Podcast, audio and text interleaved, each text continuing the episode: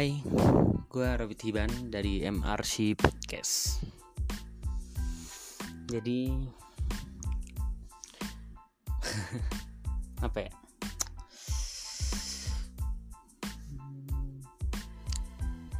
Pokoknya kali ini gue pengen cerita dua bulan kemarin atau kapan ya? Pokoknya sekitar dua bulan kemarin gue ke Jakarta jadi kalau ada orang yang ayo prokes prokes tapi nggak pernah ketemu sama orang yang bodoh amat sama covid. Itu dia harus ketemu sih biar dia nggak seenaknya ngomong. Jadi gue di situ ketemu sama pasien pasien covid. Gimana ya? Rasanya deg-degan tapi ya udah gimana? Orang di situ juga udah bareng.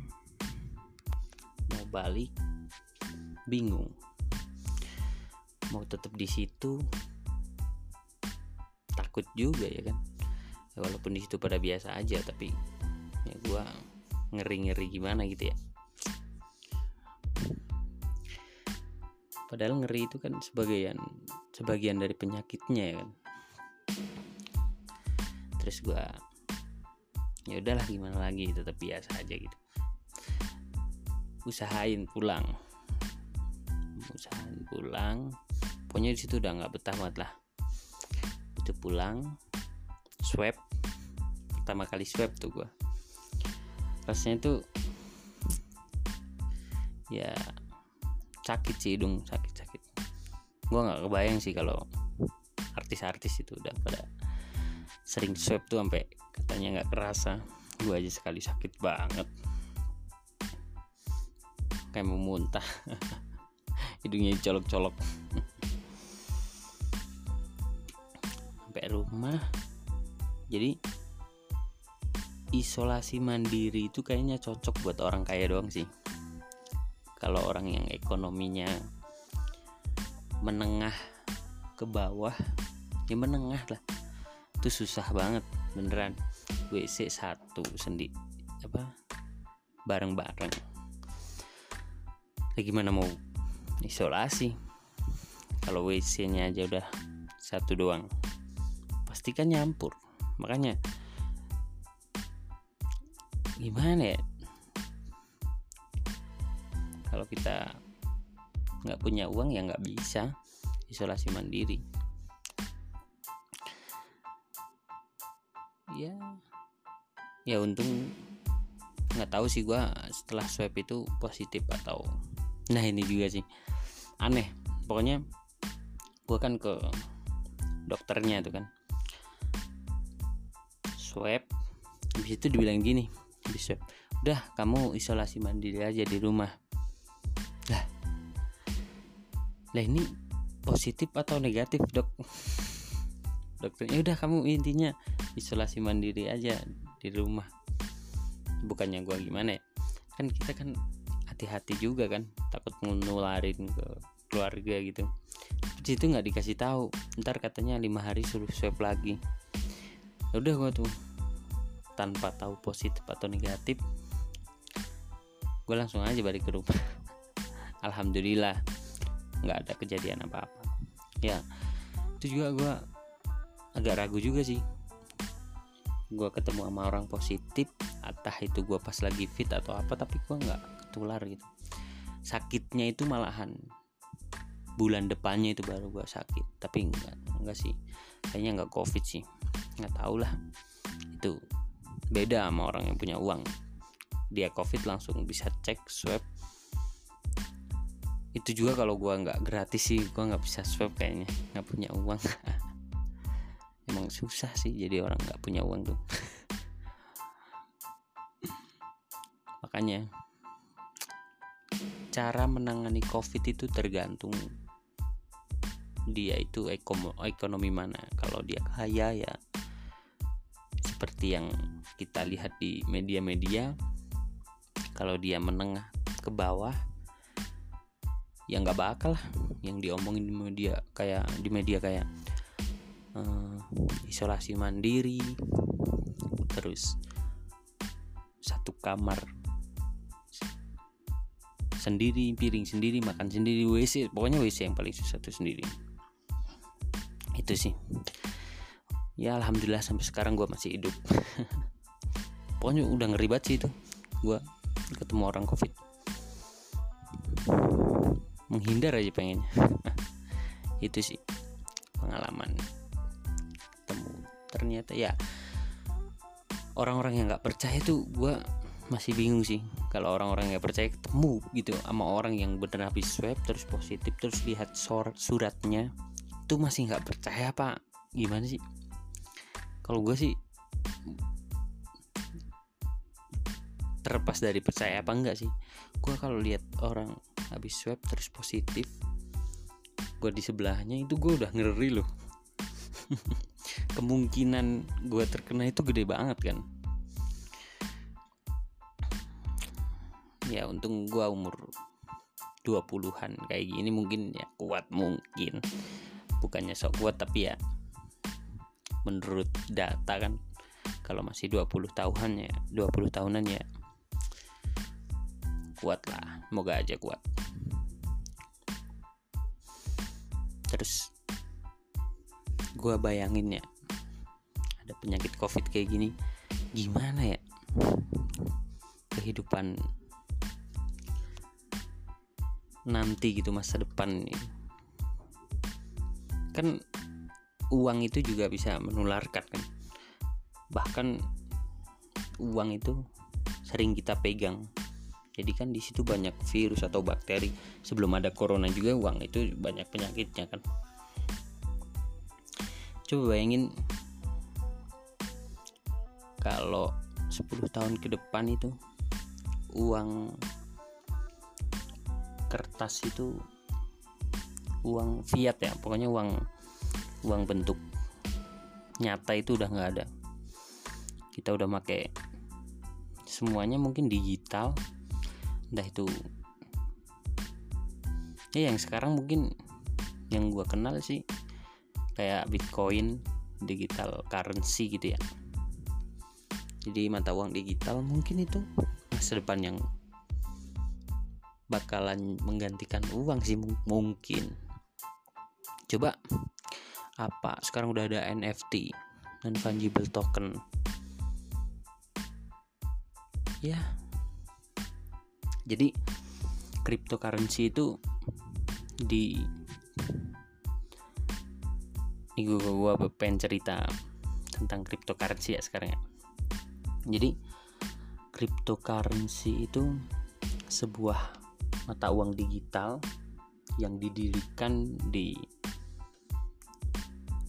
atas teknologi blockchain di dalamnya pokoknya di dalam blockchain gitu ya.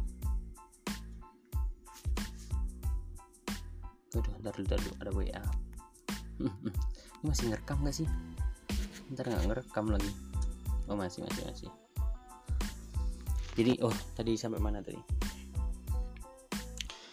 Uh, oh iya. Di atas teknologi blockchain untuk cryptocurrency yang di situ itu kayak rantai. Jadi saling menyambung menyambung. Ya gue nggak nggak terlalu paham juga sih. Tapi pokoknya nggak ada yang bisa meretas setiap personal data yang ada di personal komputer itu saling nyambung. Jadi ketika contoh di negara satu ini sudah kertas itu masih harus meretas berapa juta kami apa berapa juta data lagi yang terada di personal komputer lain. Makanya itu sangat aman. Ya. Itu blockchain. Nah, di dalam blockchain itu ada Bitcoin, tumbuh cryptocurrency salah satunya Bitcoin yang paling paling gede ya, paling awal Bitcoin. Nah, sekarang itu banyak bahkan orang terkaya nomor satu kayak Elon Musk itu punya Bitcoin. Bahkan dia Wells Wells Bitcoin. Jadi pemegang Bitcoin terbanyak itu salah satunya dia. Itu gimana? Nanti kalau kita 10 tahun ke depan 20 tahun ke depan kita udah make bitcoin itu. Gua nggak nggak kebayang sih. Di mana orang semuanya sama gini-gini sebelumnya. Kan Indonesia itu kan mata uangnya rupiah. Dan Amerika contoh Amerika itu menggunakan dolar. Nah dolar itu kan kuat stabil. Dia satu rupiahnya itu sekarang sekitar 14.000 berapa gitu ya. Jadi kan sebenarnya kalau opini gua nih opini opini gua itu kurang adil. Ketika orang Amerika beli permen di sono mungkin satu dolar satu permen atau berapa satu dolar. Tapi di Indonesia satu dolar itu sama dengan 14.000 yang 14.000 itu dapat satu mangkok bakso contoh. Nah itu kan menurut orang Amerika sangat murah. Makanya mereka itu ketika ke Indonesia ih apa-apa kok murah di sini? Jadi orang yang di Amerika itu biasa-biasa aja tingkat ekonominya ke Indonesia. Jadi orang kita bisa bilang kaya karena yaitu perbandingan satu mangkok itu di sini satu dolar 14 ribu satu mangkok bakso ketika di sono cuma dapat uh, uh, cuma dapat satu men contoh itu kan perbandingan mata uang aja udah sebegitu signifikannya.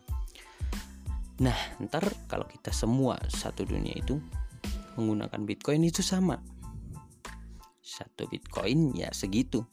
Dan itu gua nggak kebayang sih ketika kayak mana hidup udah satu mata uang itu udah nggak kebayang.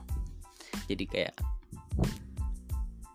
ya mungkin adil mungkin tapi pasti pasti itu gue jamin akan timbul masalah-masalah baru yang sekarang mungkin belum ada yang bisa ngira kayak mana akan masalah ya kayak teknologi aja dah dulu mungkin tahun 90-an atau 80-an sebelum kita lahir ya gue lahir gitu. Orang-orang tahun di tahun itu membayangkan dunia ketika sudah ada teknologi itu indah. Bahkan mereka nyampe bilang ada surga di dunia gitu kan. Bah pokoknya ngebayanginya itu indah-indah. Masa depan itu indah apa-apa bisa pokoknya gitulah. Uh, mereka membayangkan indahnya ketika hidup difasilitasi oleh teknologi. Tapi apa sekarang? Ketika teknologi mulai maju apa pun sudah digital yang terjadi sekarang kita membayangkan dunia 20 tahun. Masa depan pokoknya 20 30 mungkin 100 tahun ke depan itu buruk. Kenapa? Nah itu yang menjadi suatu pembahasan menarik ketika orang di zaman 80 era era era 80 90 itu membayangkan dunia masa depan dengan teknologi indah.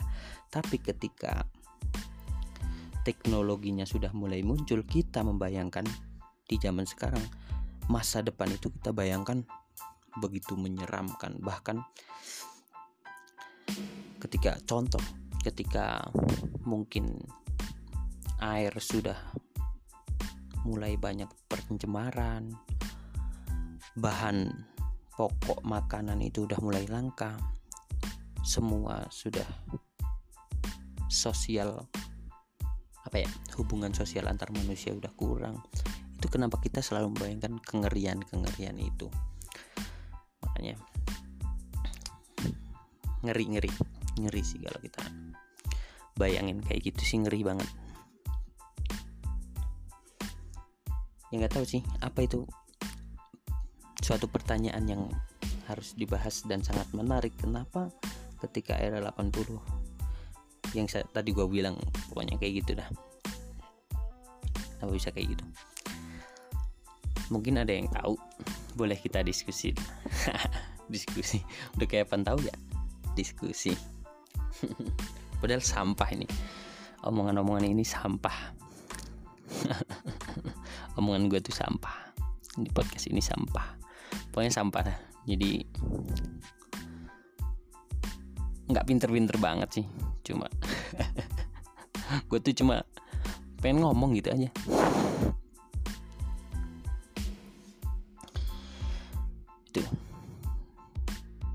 terus apa ya apalagi ya permasalahan yang kadang tuh ketika kita bayangin ngeri banget. Tapi ketika mungkin ketika kita laksanakan nggak sengeri itu sih mungkin. Apalagi ya? Oh iya ini. Hmm, gue kemarin itu nonton film keren banget pokoknya filmnya. Judulnya itu Interstellar apa pak direkturnya Christopher Nolan pokoknya. In gue cari dulu. Inter oh ya inters interstellar. Stellar ya. Bacanya gitu ya bener interstellar. Jadi di situ itu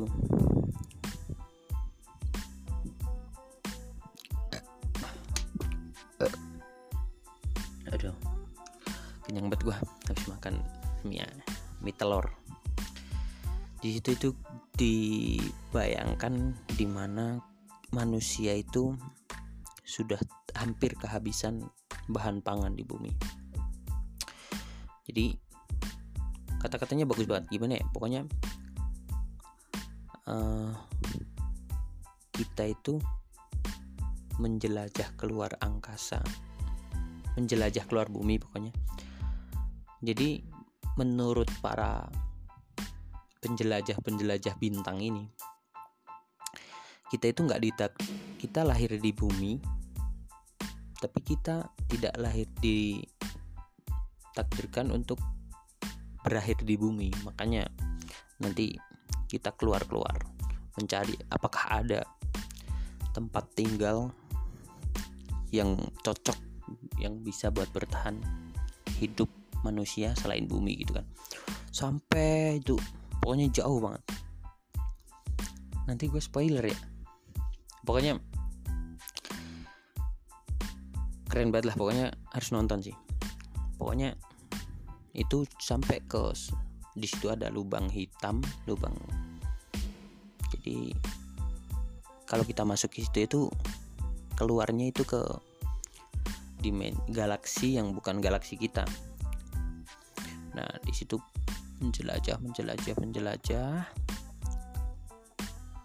pokoknya nggak ketemu apa-apa bahkan itu yang kan kita tahu ketika perbedaan masa antara bumi contoh Merkurius, Venus, Bumi, Mars itu kan satu tahunnya beda semua. Nah itu ketika kita udah jauh banget, bahkan itu contoh Saturnus aja dah. Saturnus itu satu tahunnya di bumi itu dua sebanding dengan 29 tahunnya di Saturnus ya itu yang gue baca. Ya.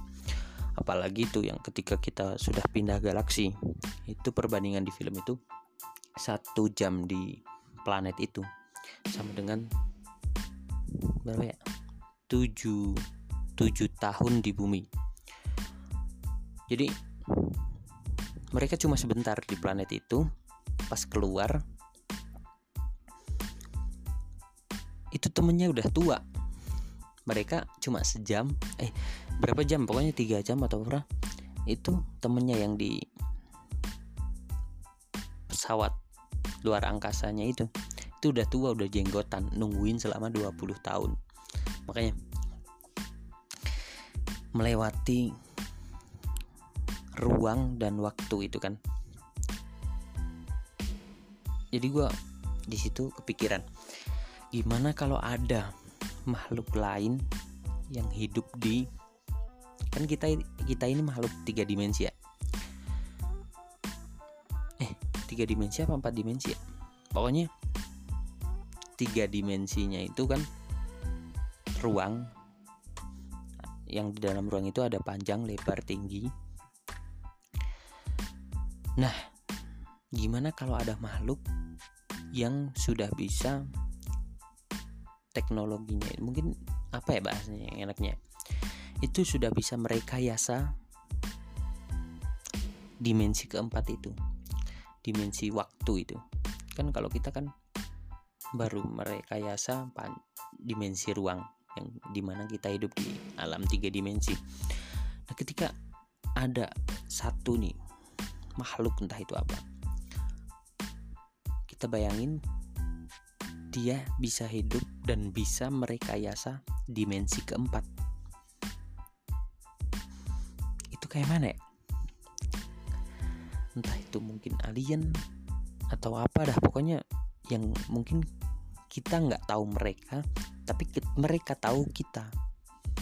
Kan contoh kita itu hidup di tiga dimensi dan kita tahu apa yang contoh di atas kertas itu kan kalau kita gambar itu jadi kehidupan dua dimensi. Dua dimensi itu kita tahu kita bi bisa merekayasa. Kita bisa gambar di situ.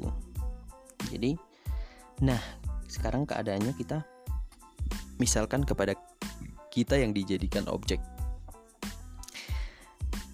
Kita hidup di tiga dimensi nggak tahu. Kan yang contoh yang tadi kita garap apa kita gambar oret-oretan di buku buku nggak tahu kita kita tahu buku kita bisa melihat buku itu kan. Nah kita hidup tiga dimensi kita nggak tahu siapa mereka yang hidup di empat dimensi dan tapi mereka tahu kehidupan kita di tiga dimensi itu. Heyo ngeri sih. Kayak mana ya itu ya? Ya belum nggak tahu sih. Mungkin apa entah berapa ribu tahun lagi manusia bisa merekayasa empat dimensi. Tapi kayaknya nggak mungkin sih. Gue nggak tahu lagi kayak mana kehidupan nanti kalau kayak gitu sih.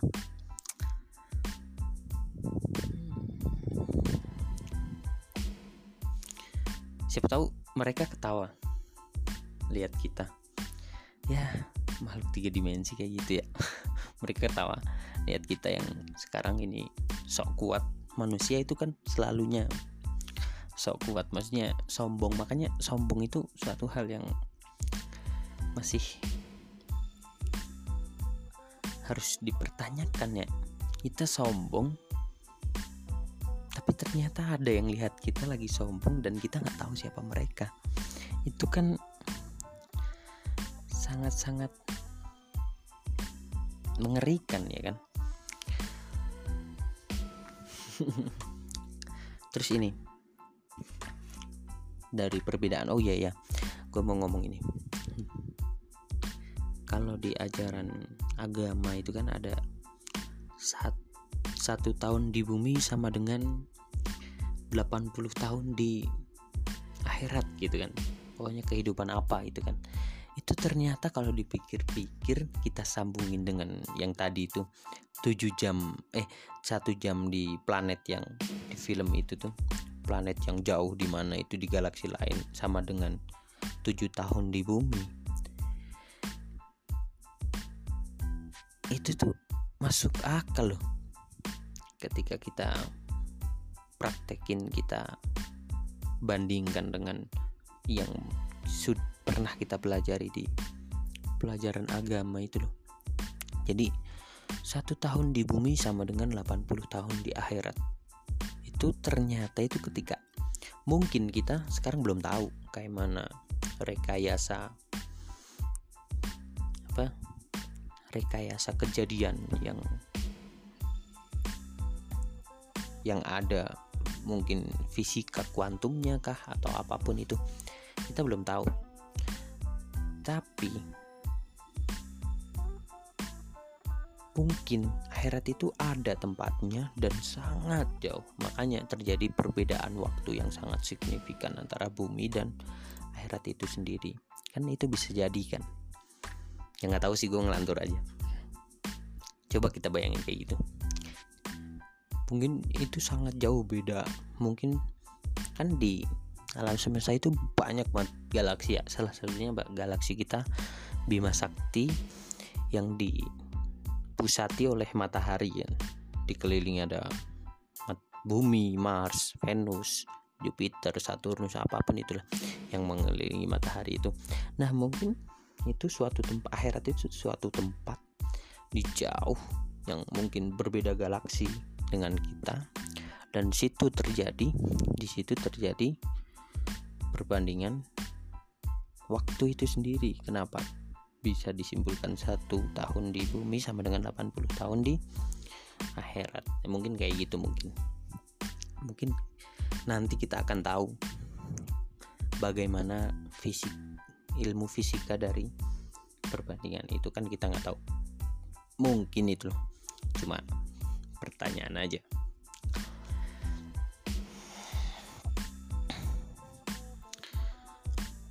Hmm, apalagi ya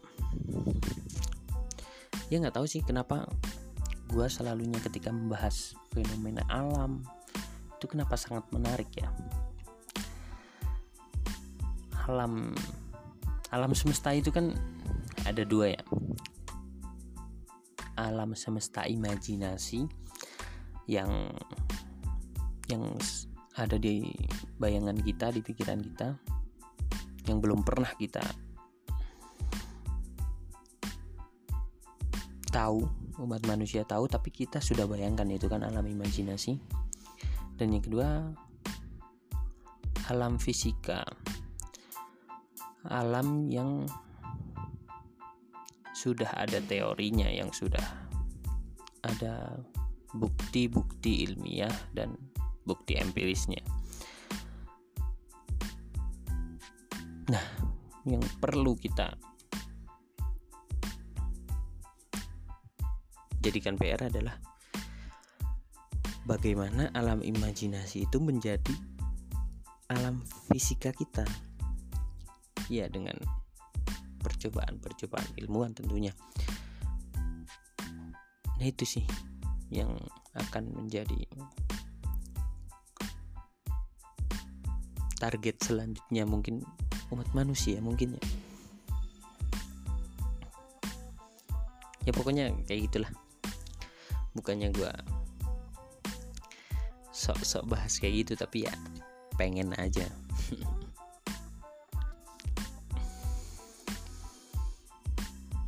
Itu salah satu bukti bahwasanya manusia itu butuh eksistensi ya. Makanya nah, narsistik itu sangat melekat pada manusia. Makanya sampai sekarang kita bisa bertahan nggak punah gitu. Ya salah satunya sifat narsistik apa ya? Bukan narsistik ya. Kebutuhan manusia akan eksistensi itu kali ya. Pengen dianggapnya itu ada banget.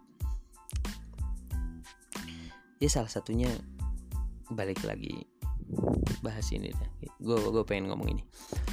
Kenapa kalau orang ulang tahun itu pengen rasanya diucapin sama temennya sahabatnya entah itu keluarganya itu pengen dapat ucapan dari teman-teman apalagi lewat sosial media di Instagram. Contoh dikasih ucapan selamat ulang tahun. Terus kita repost dibikin story. Mereka mereka teman-teman kita ngepost selamat ulang tahun sama kita. Terus contoh gue dah. Gue repost. Itu tuh tumbuh kayak kebahagiaan yang yang sifatnya sementara dan dan itu kalau nggak dapet itu rasanya kita kayak nggak ada loh. Di kayak kita tuh nggak ada di dunia gitu. Itu gue masih aneh sih kenapa ada kayak gitu sih. Kenapa? Itu sakit sih kalau kalau lu lu ketika ulang tahun terus nggak ada yang ngucapin terus lu merasa merasa lu tuh nggak dianggap itu sakit sih. Menurut gua itu sakit sih. Terus gue bingung ketika ada nih kemarin-kemarin banyak banget di, di Instagram itu lagi apa ya lagi marak-maraknya gini-gini. Pokoknya di situ ada tulisan bukti bahwa teman teman teman mana yang gimana ya kata-katanya? Teman mana yang teman sejati atau teman bohongan? Pokoknya uh, kayak kan di Instagram itu ada ada kayak voting itu ya. Yang A B C A. Ini A 13 November B 1 Januari. Kayak gitu ter ketika kita pencet salah satu itu ada yang bener itu apa namanya tahu? Nah itu itu itu dijadikan uh, pokoknya teman mana yang beneran teman sejati atau teman bohongan. Terus kalau teman beneran itu tahu tanggal lahirnya terus kita suruh mencet ketika kita salah kita bukan temennya gitu ya. Terus kalau ketika ben, ketika kita bener tapi kebetulan itu kita temennya. Kan itu suatu hal yang yang sampah sih. Itu tuh kayak kayak apa ya? Jadi pertemanan hubungan hubungan kita sama temen itu dinilai dari kita bener apa salah nebak tanggal lahirnya dari sekian banyak yang kita harus perhatiin ke temen entah itu sifat karakter kenyamanan terus sif apa pun itu dari temen yang harus kita perhatikan dari sekian banyak kenapa tanggal lahirnya sih yang dipilih? Gue nggak paham sih sama orang-orang itu sih. Gue nggak pernah jawab sih kalau kayak itu gue jawab aja gue gue salah kayaknya. Kayaknya salah sih kalau gue jawab. Gue jujur gue temen deket-deket gue aja gue nggak tahu loh tanggal lahir mereka. Mungkin kalau menurut orang-orang yang berada di pihak ya gue bukan temennya kali ya. Kalau gue nggak tahu tanggal lahirnya gue masih bingung sih. Nah kayak gitu sih. Hmm, apa lagi ya udah kali ya? Udahlah. Dah. Ketemu lagi. Kalau sempet